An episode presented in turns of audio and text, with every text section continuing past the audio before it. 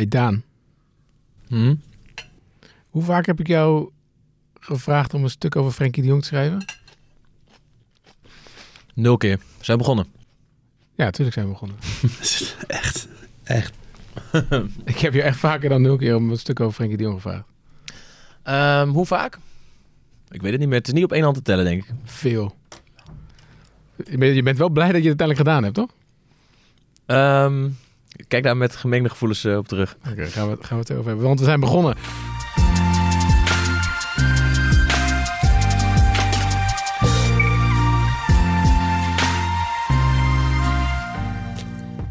Welkom bij alweer de derde aflevering van Week van Nu, de nieuwe podcast van nu.nl.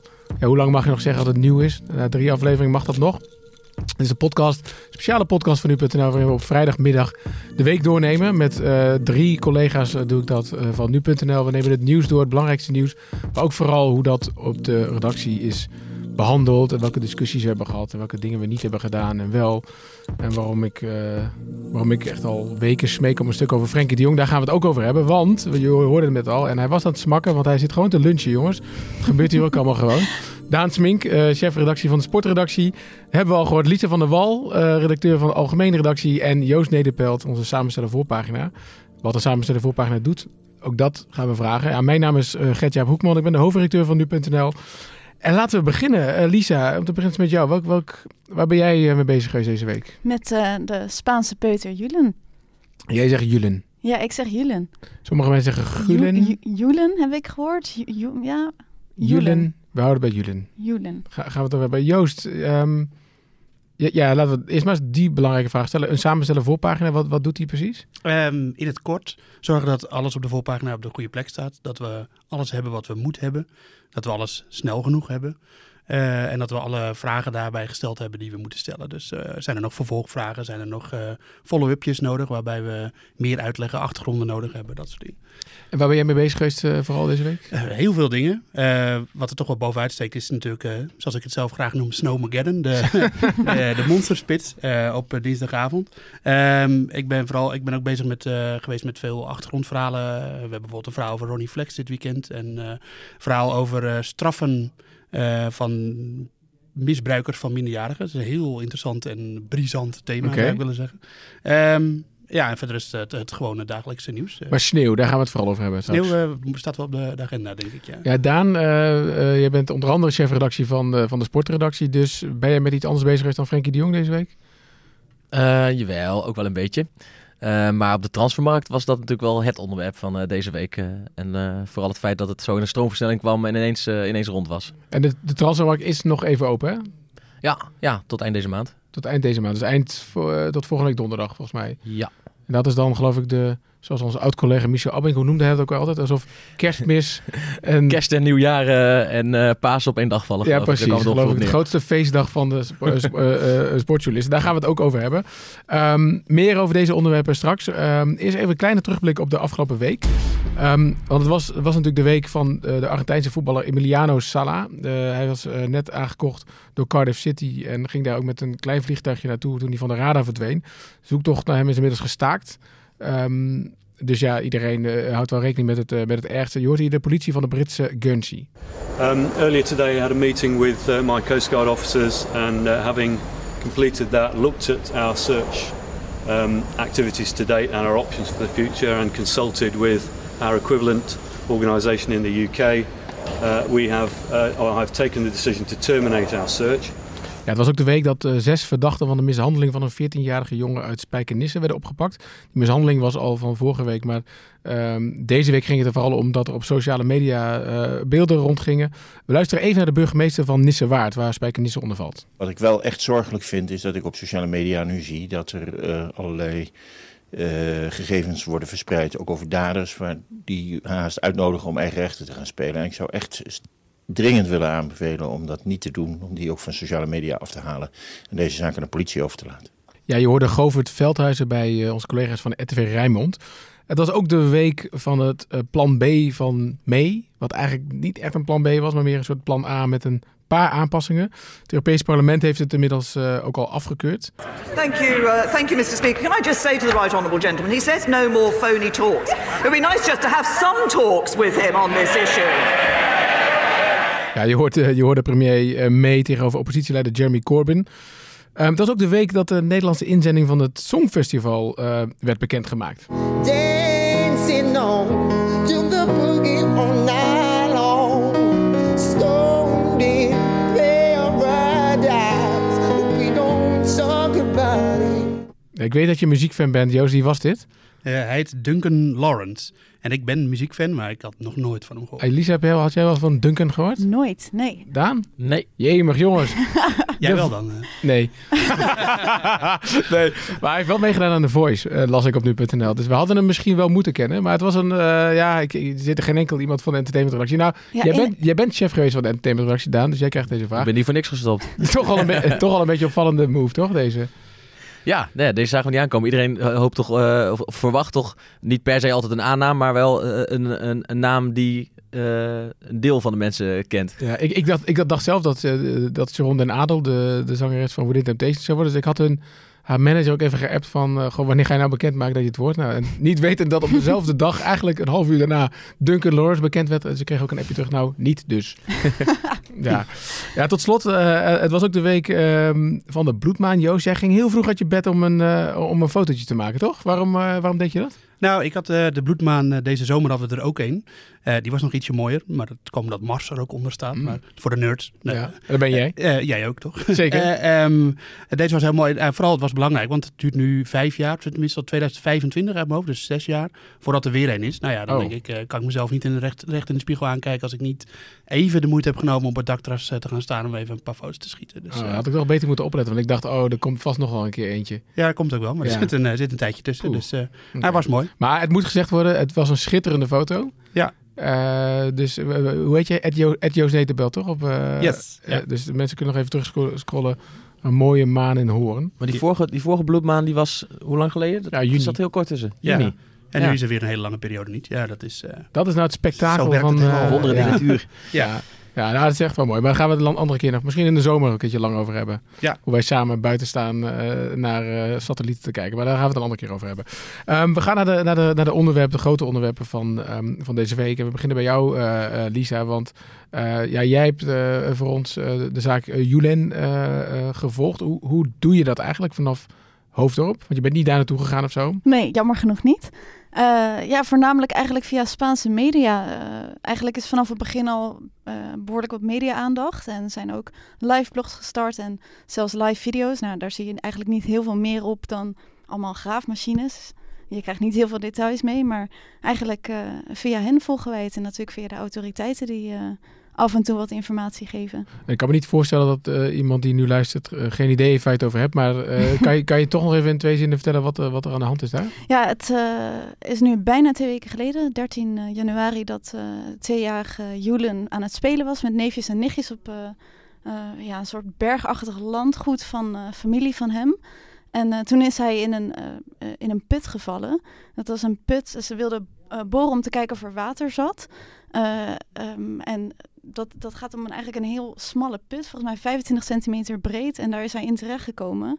Ehm, en zijn ouders hebben nog geprobeerd hem eruit te halen, maar ja, dat, geen volwassene kan daar natuurlijk in komen. Meer dan 100 meter diep, toch? Ja, zeker. En dan weten we niet precies op welke hoogte hij eh, zit. Of hij daadwerkelijk echt die 100 meter naar beneden is gevallen.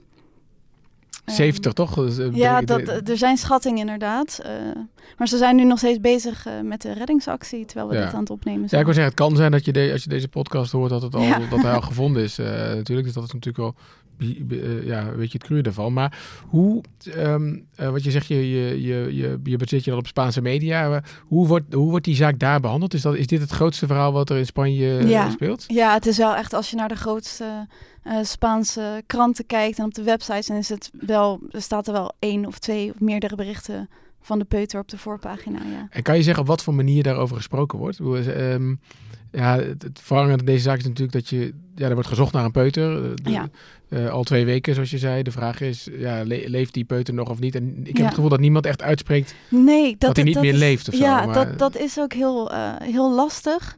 Eh, in het begin was er echt nog hoop. En waren er ook, zei die vader van, van het jongetje zei ook van we hebben nog steeds hoop. Dat was nou, volgens mij vijf dagen. En, en die berichten worden eigenlijk steeds minder. En er worden ook wel kinderartsen gevraagd om een mening. Maar niemand heeft eigenlijk gezegd van we gaan ervan uit dat hij dood is. Hm. Ze hebben het nog steeds over een reddingsactie daar. Ja, ik, ik zei net eh, inderdaad, is, eh, vroeg eh, hoe het in de Spaanse media werd, werd behandeld. Maar volgens mij is dit in ieder geval in Nederland ook een van de grootste verhalen. Joost, be- be- begrijp jij dat? Een zoektocht naar één peuter in een plaatsje in Spanje? Ja, je moet, het, eh, je moet het misschien niet zo klein maken. Het is gewoon Hm. een, eh, een. Het spreekt tot de verbeelding natuurlijk op een bepaalde manier. Dat, eh, het verhaal alleen al, zo'n diepe put en zo'n jo- jongetje dat daar dan invalt. En natuurlijk de vraag: leeft hij nog of leeft hij niet meer? Nou ja, kijk, iedereen die er enigszins helder over nadenkt, die weet dat de kans heel groot is dat hij gewoon niet meer leeft natuurlijk. En alleen ja, die kleine kans is misschien ook wel een reden waarom mensen dan toch aan onze website gekluisterd zitten om, om het toch te volgen. Dus ik, ja, ik begrijp dat wel. En, en zo'n reddingsactie is op zichzelf natuurlijk ook weer eh, ja, interessant om te volgen. Ja, wa- wat, maakt dat interessant? Nou ja, ze zijn een tunnel aan, extra tunnel aan het graven. Met, eh, het is best wel een, een, een nou ja, ik, vergelijk dat wel eens met die, met die mijnbouwers in Chili een aantal Ja. jaar geleden. Dat is natuurlijk helemaal, dat ging veel verder dan dit hoor. Maar eh, dat er zoveel in het werk gesteld wordt om één iemand te redden, hè, mits hij nog te redden is. Dat is op zich al, eh, dat vo- voelt volgens mij voor heel veel mensen toch wel goed. Dat er dus, kijk eens wat er allemaal gedaan wordt om zo'n jongetje uit zo'n benarde positie eh, te Ja. krijgen. Dat, ik denk dat mensen dat wel aanspreekt, ja. En, jij zegt ook, eh, Lisa, er wordt over, al gesproken over een reddingsactie. Dus, Ja. dus daar hebben wij het ook over? Over een reddingsactie? Ja, wij, wij hebben het wel over een reddingsactie, maar ook over zoektocht. We, we houden het eigenlijk nog een beetje in het midden. Ook omdat er Hmm. dus inderdaad niet hard is gezegd dat hij niet meer leeft. Terwijl het Hmm. wel het meest waarschijnlijke scenario natuurlijk is. Ja. Ehm, maar ja. J- jij zei van, eh, net, jammer genoeg ben ik niet daar. Zijn daar ook zijn er veel journalisten? Ja, ja, er staan daar eh, een hele hoop eh, journalisten. eh, van de, natuurlijk daar de grote media. Maar het heeft ook internationaal de aandacht getrokken. En naar wat ik weet, de NOS heeft daar een correspondent natuurlijk zitten. Ehm, de, ja, dus het wordt daar wel goed in de gaten Ja, gehouden. ja, ik moest ook een beetje denken, Daan, aan, aan, aan Thailand natuurlijk. Hè? Dat was een beetje, af, wat is het, vorige zomer toch? Dat verhaal van die jongens die in die grot zaten. Daar stormde ook de hele internationale pers op af. Had jij dat ook? Die vergelijking? Of Ja, ja, dat was ook wel heel massaal. Dat is iets gewoon wat... ehm, eh, dan maakt afstand niet meer zoveel uit of zo. Het is een aangrijpend eh, eh, verhaal. En iedereen denkt zich natuurlijk in van... Stel dat het mijn kind was of stel dat het mijn voetbalteam uit het dorp was of Ja. zo. Ik denk dat dat het eh, is dat, eh, dat zo'n verhaal zo eh, makkelijk eh, eh, iets is waar je je makkelijk mee kan ident- identificeren. Ik denk ook omdat het een race tegen de klok is. Kijk, het, Hm. het, het is, beslissingen worden daar Ja. op het laatste moment gemaakt. Ze kwamen daar met een plan, bleek niet te werken, tegenslag na tegenslag. Eh, Want wie- en die zijn- uren die, die gaan maar voorbij. Want er zijn 26 mensen geloof ik die in dat team zitten. Maar wat zijn dat dan voor mensen? Ja, het, het is, eh, deels zijn het mijnwerkers. Die ook, ze hebben ook experts. Eh, nou, we hadden het natuurlijk net over Chili. Dat zijn dezelfde mensen die ze dus nu naar Spanje hebben gehaald. Oh, echt waar? Ja, ja. Oh. Om, hun, om aan hen te vragen van hoe, hoe kunnen wij dit het beste aanpakken. Ja, brandweermannen, er zijn psychologen bij die familie neergezet om ze er hier doorheen, eh, om ze hierin te begeleiden in deze actie. Ja. Eh, dus het, het is eigenlijk een heel groot team. En dat, dat maakt het dan ook misschien nog des te nieuwswaardiger of zo. Wat jij ook al net zei, Joost, die, dat hele proces eromheen. Het ging Ja. ook niet allemaal goed en zo. Dus dat is wat nee, mensen eh, precies. dan ook al willen volgen. Het is alleen wel zo dat, als je de vergelijking maakt met de grotjongens, dat toen al best wel snel naar buiten kwam dat ze nog leefden. Ja. En dat maakt het nog wel anders, denk ik, dan dit. Want dit is nu natuurlijk gewoon vooral één groot vraagteken. Ja. Ja. Ik vraag me nu vooral af ook waar die familie dan de hele tijd is. Ik bedoel, ja, ik denk als ouders heb je de neiging om de hele tijd daar te blijven en te willen helpen Ja. bij die put te zijn. Maar die, Ja. die zullen ook waarschijnlijk 13 dagen niet geslapen hebben. kan Nee, ze hebben daar een, een tentenkamp eh, opgericht. Want die, die hulpverleners die zijn natuurlijk ook dag en nacht daar bezig. En ehm, naar wat ik heb gelezen, maar dat heb ik niet bevestigd gekregen, is dat die ouders dus inderdaad daar ook hebben geslapen. Op locatie. Nou, het is een, tra- ja, een tragisch verhaal. Hoe het ook, eh, denk ik, gaat. Ja, tenminste, ja, het kan nog anders aflopen. Maar het, lijkt er, het heeft er al schijn van dat het wel een tragisch Ja. verhaal ehm, wordt. Ja, ik zoek nu even naar een bruggetje. Maar die is natuurlijk niet echt te maken naar, naar dingen waar wij ons dan in ons eigen land eh, druk over hebben gemaakt deze week. Joost, dat was niet een bloedmaan. Hele andere dingen. Ja, dat Ja. was een sneeuwbuitje. Ja. Nou ja, het was best wel een sneeuwbui, want eh, wij zitten natuurlijk in het westen van het land, in Hoofddorp. En bij ons ging het redelijk snel over. Alleen naarmate hij naar het oosten ging, had ik het idee dat hij steeds meer, eh, steeds een beetje bleef hangen. En daardoor sneeuwde het daar ook harder. En toen eh, kwam de avondspits en dat was eigenlijk eh, de perfect storm, zou je bijna willen zeggen. Dus zeker als je keek naar de kaart van de ANWB, want wij volgen dan de ANWB, daar, Mm. daarover later meer natuurlijk. Mm. Dan zag je vooral dat het zo achter Utrecht, rondom Utrecht, achter Utrecht helemaal vast begon te staan. En dat was volgens mij niet helemaal verwacht dat het zo zou worden. maar het, eh, het kwam toch. En hoe, eh, want jij was op dat moment eh, aan het werk, eh, zullen we zeggen. En hoe, wat, wat, doe, wat doe je dan op zo'n moment? Wat, kan je dat eens uitleggen? Nou, we hadden al best wel veel verwachtingsberichten, zeg maar, van over de treinen en ook al over het verkeer. Niet zo heel veel, moet ik zeggen. En over, het, over Schiphol, dat is eigenlijk wat we altijd doen als zo'n voorspelling komt. Alleen ja, dan op een gegeven moment dan ga je toch het oog heel erg houden op de, op de ANWB eh filekaart. En dat is gewoon, ja, dat kun je heel duidelijk zien. Er staat ook een tellertje bij hè, de- van hoeveel kilometer er inmiddels staat. Nou ja, we, ik doe, doe dit werk al lang, dus ik weet, eh, het is een soort van referentiekader van het begint nu echt een ding te worden of niet. En op een gegeven moment ging het al... eh, Maar kan, kan, kan, je, dat- kan je dat even dat moment aanwijzen? Van wanneer is dat dan? Nou, het is, als het boven de 500 wordt, dan dat, dat maak je op een normale door de weekse dag ook wel eens mee. Maar dan ga ik opletten.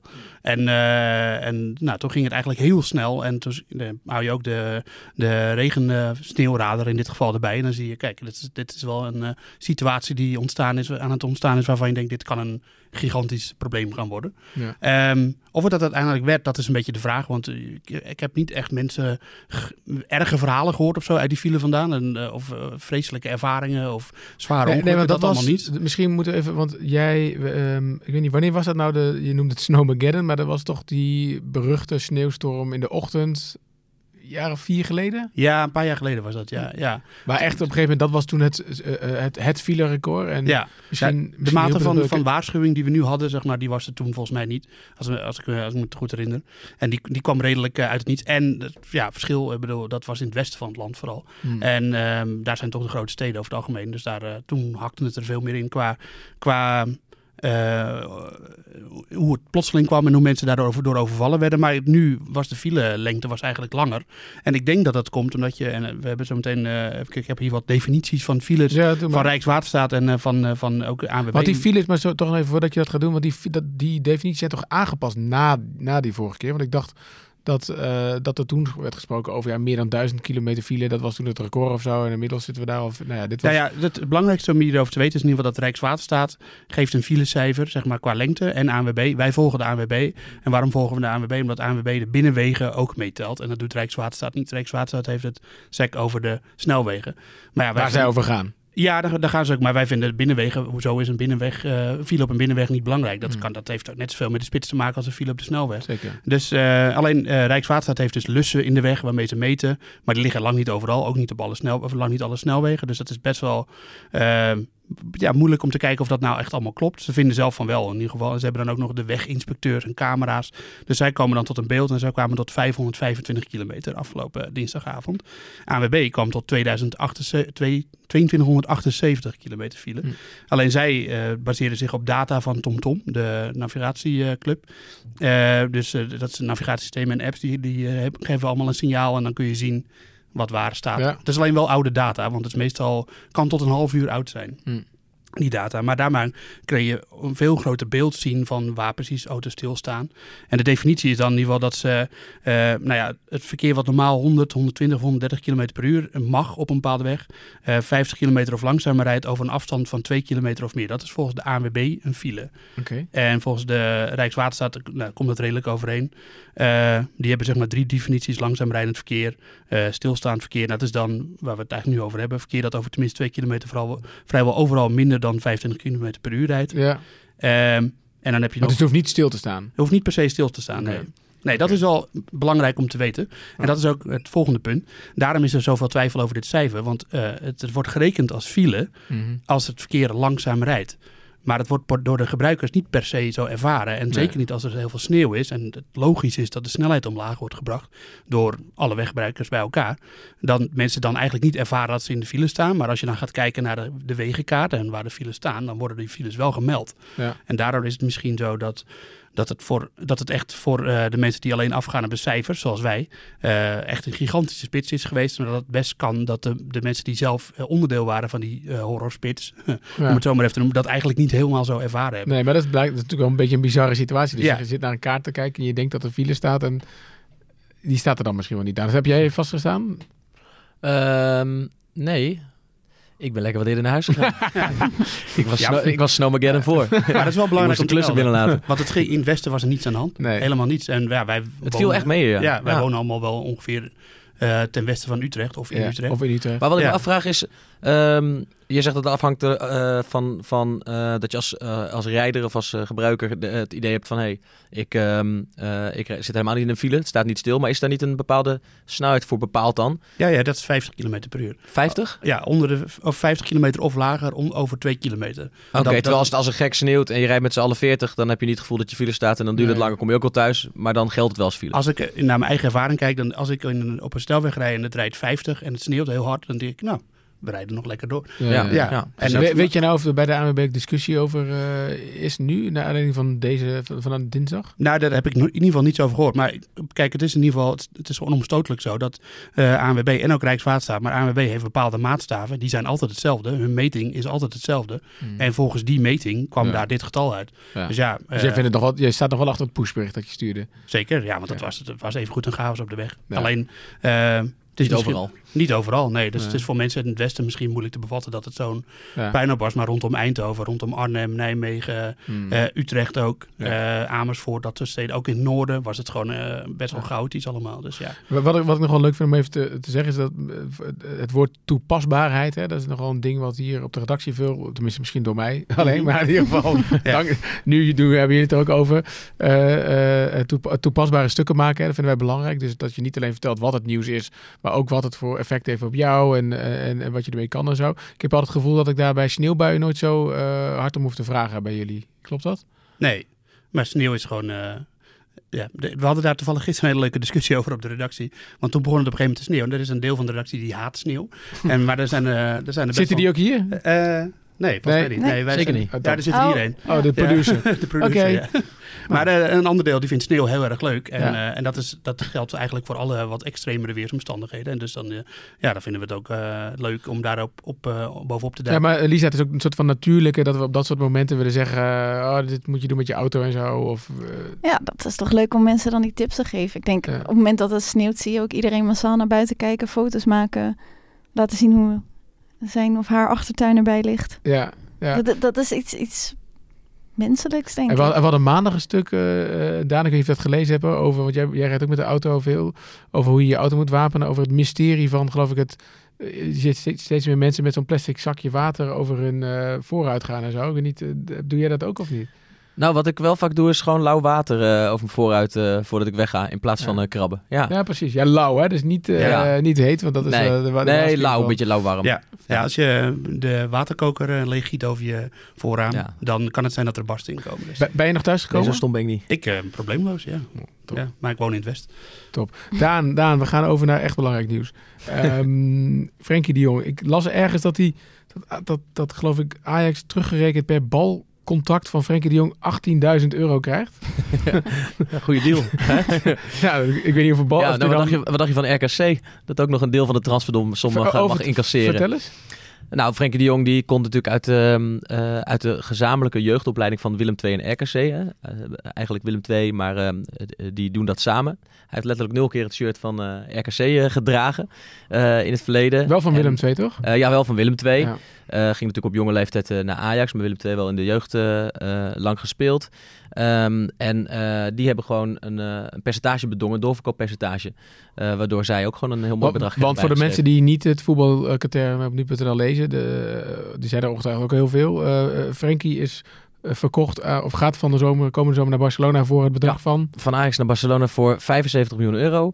Dat kan oplopen tot 86 miljoen euro. Ehm, op basis van bonussen waarvan niet helemaal duidelijk is eh, welke eh, maatstaven die bonussen wa- waaraan voldaan moet worden om die bonussen te betalen. Maar Mark Overmars, de Ajax-directeur, heeft wel gezegd dat ze normaal gesproken dat het normaal gesproken haalbaar is. Dus dat het normaal gesproken gaat oplopen tot, eh, tot 86 miljoen. En Willem II, ehm, de oude club dus van, eh, van Frenkie de Jong, die krijgt daar een kleine 8 miljoen eh, eh, eh, van doorgesluist. eh, en ehm, eh, RKC eh, ruim 4 miljoen. Ehm, en dat is ja, zeker voor RKC is dat gewoon eh, enorm. eh, voor Willem II trouwens ook hoor. Ja, maar dat is is gewoon een enorm bedrag wat bedrag. meer dan de begroting is. Ik, ik, ik bedenk ineens dat... Het, vroeger werd er toch niet zo over bedragen gesproken, of wel? Ik dacht dat er altijd een beetje... Dat, ze zeiden dan van ja, we doen geen uitspraak over de hoogte van het bedrag. Maar dat lijkt wel een beetje verleden tijd. Ja, vooral door Ajax werd dat vroeger. Ja, maar bij. Ajax is het ook gewoon omdat ze beursgenoteerd zijn. Hè? Dat ze het verplicht zijn om, eh, moeten ze om te communiceren. Ja, ja, ja, en dus dat geldt niet voor alle clubs. Eh, En er zijn eh, allerlei, eh, heel veel deals blijven schimmig. Eh, vaak heb je discussie, wat was nou de duurste transfer? En dan Ja. blijkt later toch een andere het geweest te zijn, omdat het een paar miljoen scheelde. Want niet elke club eh, brengt dat naar buiten of hoeft het naar buiten te brengen. Maar ehm, eh, ja, het, het wordt wel wat, het lijkt wat doorzichtiger eh, eh, te worden. Ja. Je hebt zo'n site, transfermarkt. In Duitsland geloof ik begonnen, Ja. maar dit zit in meer landen nu. En, en die, ehm, eh, daar zit wel eh, heel gedegen onderzoek achter. En eh, die weten die cijfers best wel goed te achterhalen vaak... van wat een transfer precies heeft opgebracht. Alleen in veel gevallen weet je het niet zeker. Weten we eigenlijk hoe dat wordt betaald? Want ik weet nog in het verleden vaak als Ajax... Vooral als een speler werd verkocht naar Zuid-Europa, met name Italië... dan Slatan is volgens mij in zes delen betaald uiteindelijk toen door Juventus. Weten we daar iets over? Bij Frenkie de Jong niks over gehoord. Dus ik ga er maar vanuit dat er Gewoon in één keer... in één keer eh, 75 miljoen wordt overgemaakt. Ja. En die, die bonussen die komen later natuurlijk. Ja, precies. Ja. Wat is nou zo bijzonder aan deze jongen? Ehm, als voetballer bedoel je dan, neem ik aan.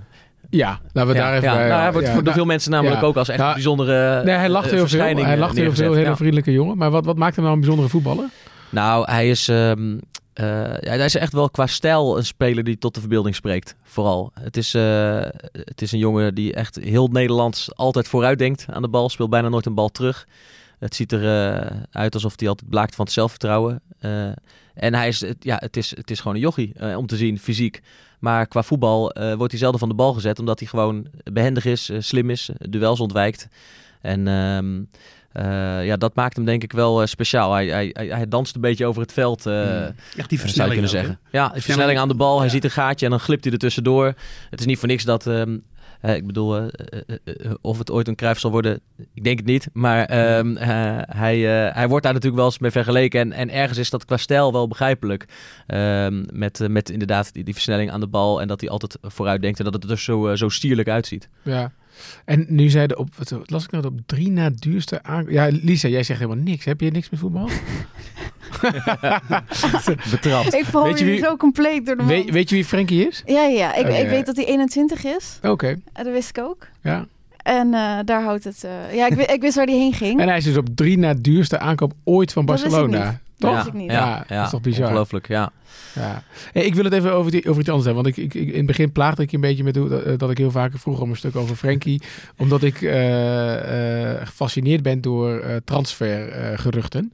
en eh, daar ben ik al volgens mij sinds eh, ik eh, eh, van jongs af aan de krant, de Telegraaf op, eh, eh, eh, op vakantie kocht. Want daar stond, er was nooit nieuws, maar er was altijd wel een gerucht dat Ajax een of andere bijzondere spits zou kopen. En, dat, ik, en ik wist wel zeg maar, dat het toch nooit gebeurde.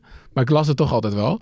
Hoe, hoe wij, wij, toen ik bij Nuperto kwam, zeven jaar geleden, toen deden we daar helemaal niks mee. Nu, nu, nu doen we het wel. Eh, kan je iets vertellen wa- wat we dan precies doen en waarom we dat eh, zijn gaan doen?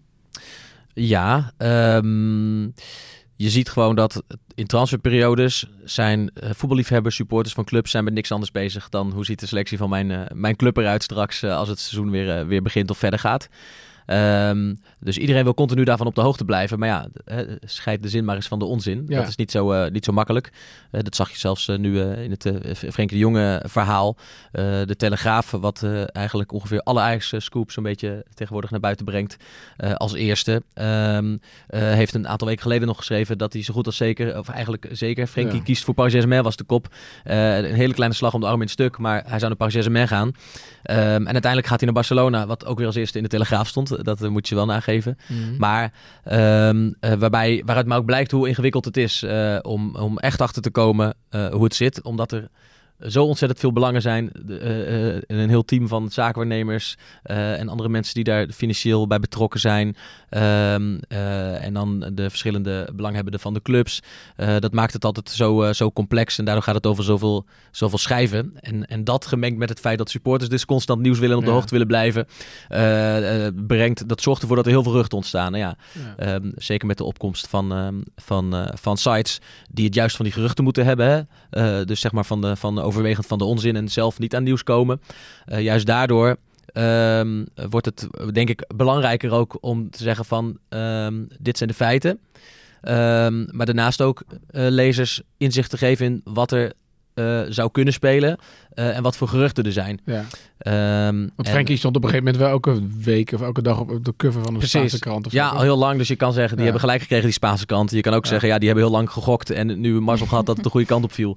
Dat, ehm, dat weet je niet precies. Er zijn natuurlijk eh, in, in Nederland veel minder dan in heel veel andere landen, maar allerlei sportkranten die dagelijks heel veel pagina's moeten vullen. En daar staat dus ook veel onzin in.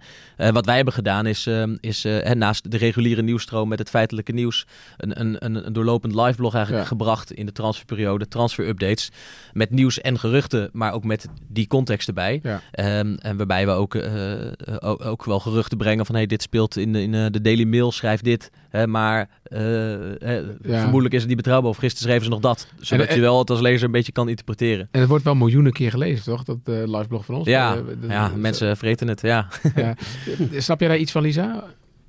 Ja, tot, ik, ik denk dat als je een voetballiefhebber bent of überhaupt eh, eh, een sportliefhebber bent, dat je dat leuk vindt om eh, mee te krijgen. Dus, kijk, zelfs ik heb het meegekregen. Ja, dat- maar wat, wat, natuurlijk wat. ja, wat natuurlijk meespeelt, volgens mij ook wel, is dat vroeger ehm, eh, eh, bra- brachten wij, of, ja, brachten wij nieuws als het gebroken was. En nu gaat, ik bedoel, er is al heel veel informatie online, dus een, een deel van ons werk is soms ook wel gewoon dingen te debunken. Ontkrachten, of, ja. of te ontkrachten of het in een perspectief te plaatsen. Dus wat dat betreft, hè, dan, Ik heb nog wel één, eh, één vraagje.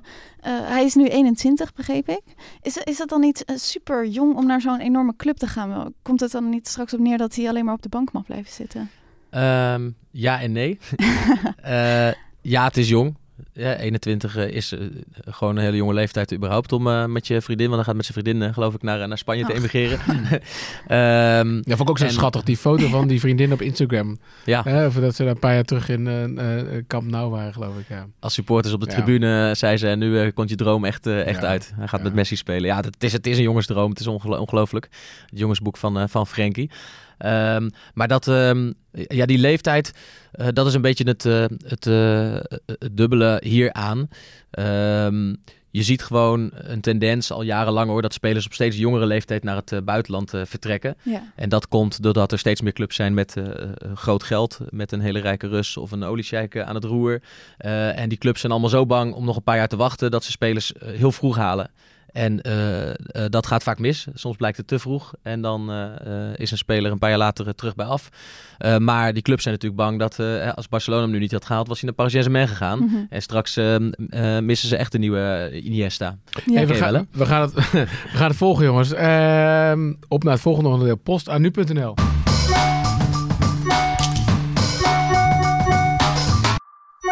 Ja, twee, deze week wil ik eigenlijk twee dingen eh, eh, even uitlichten. Want we krijgen natuurlijk ook een boel ehm, eh, ja, vragen over dingen die kapot gaan aan nu.nl of dingen die niet helemaal deugen. Eh, om te beginnen, eh, we kregen een mailtje van eh, Alexander Bakhuizen. Die, die zei dat hij tot voor kort ehm, rechtsbovenin de app een icoontje kreeg waarin hij de beursstanden kon bekijken. Maar daar staat nu ineens het icoontje voor uit. Heb ik iets verkeerd gedaan? Ehm, of er is iets veranderd? Nou, Alexander, je hebt niks verkeerd gedaan. We hebben iets, we hebben iets veranderd. Maar we, ehm, eh, ik heb goed nieuws voor je. Het komt terug. We hebben daar een tijdje een test gedraaid met iets anders. Omdat we wilden kijken of dat misschien beter zou werken. Maar jij bent niet de enige die hierover gemaild heeft. Volgens mij na tien minuten dat we dit doorgevoerd hadden, Ja. gingen mensen al bellen. Ehm, dus er is op dit moment ligt er een, ehm, een nieuwe versie van de app bij eh, Android en eh, Apple. Dus volgens mij, eh, misschien als je dit hoort, is die al gereleased. En anders komt dat er zeer snel aan. Dus Alexander, eh, ik hoop dat we je dan weer tevreden hebben gemaakt. En een mailtje, die, die speciaal voor jou, Daan, van eh, Michelle van Griensven. Die zegt, eh, die val, het valt daarop dat de laatste tijd met regelmaat spelfouten in onze stukken staan. En dat is uiterst irritant. Misschien moet je, het, is het een idee om jullie journalisten, of wie deze artikelen dan ook schrijft, een artikelen na te laten lezen of te laten controleren door iemand anders. Nou, laat jij daar nou na sport verantwoordelijk zijn voor eindredactie. Ja, dit is allemaal mijn schuld, Michelle. Ja, ja. Ehm, ja, wat zal ik daar zo over zeggen? Nou, eh, eh, dat doen we, stukken nalezen. Ehm, en eh, dat, dat doen we eigenlijk altijd al. Ehm, Maar we hebben wel Maar- eind- eindredactie maar- is wel opgeschaald, ja, toch? precies. We zijn vorig jaar eigenlijk pas echt met eindredacteuren begonnen die, die alleen dat doen. Ehm, waarbij het merendeel van de berichten, vrijwel alles wordt nagelezen. Alleen heel vaak ook pas, pas na publicatie. Waarom is dat? Eh, omwille van eh, de snelheid, eh, vooral. Hè, om, om te zorgen dat je het laatste nieuws wel het eerst op nu.nl hebt. En dat het niet nog, nog langs meerdere ogen gaat en je dan niet meer de snelste bent. Ehm, neem niet weg dat je tegelijkertijd als redacteur dus ook heel nauwkeurig en heel snel moet kunnen werken.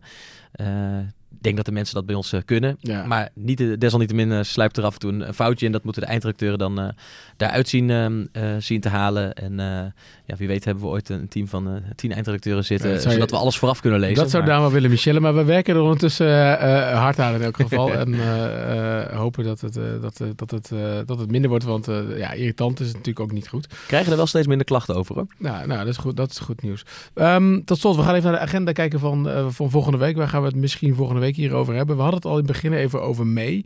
Uh, dat plan B of A plus plan van haar, dat wordt um, uh, de komende week behandeld in het Britse parlement. Dus kunnen we weer een boel uh, leuke 1 2'tjes tussen haar en Jeremy Corbyn verwachten.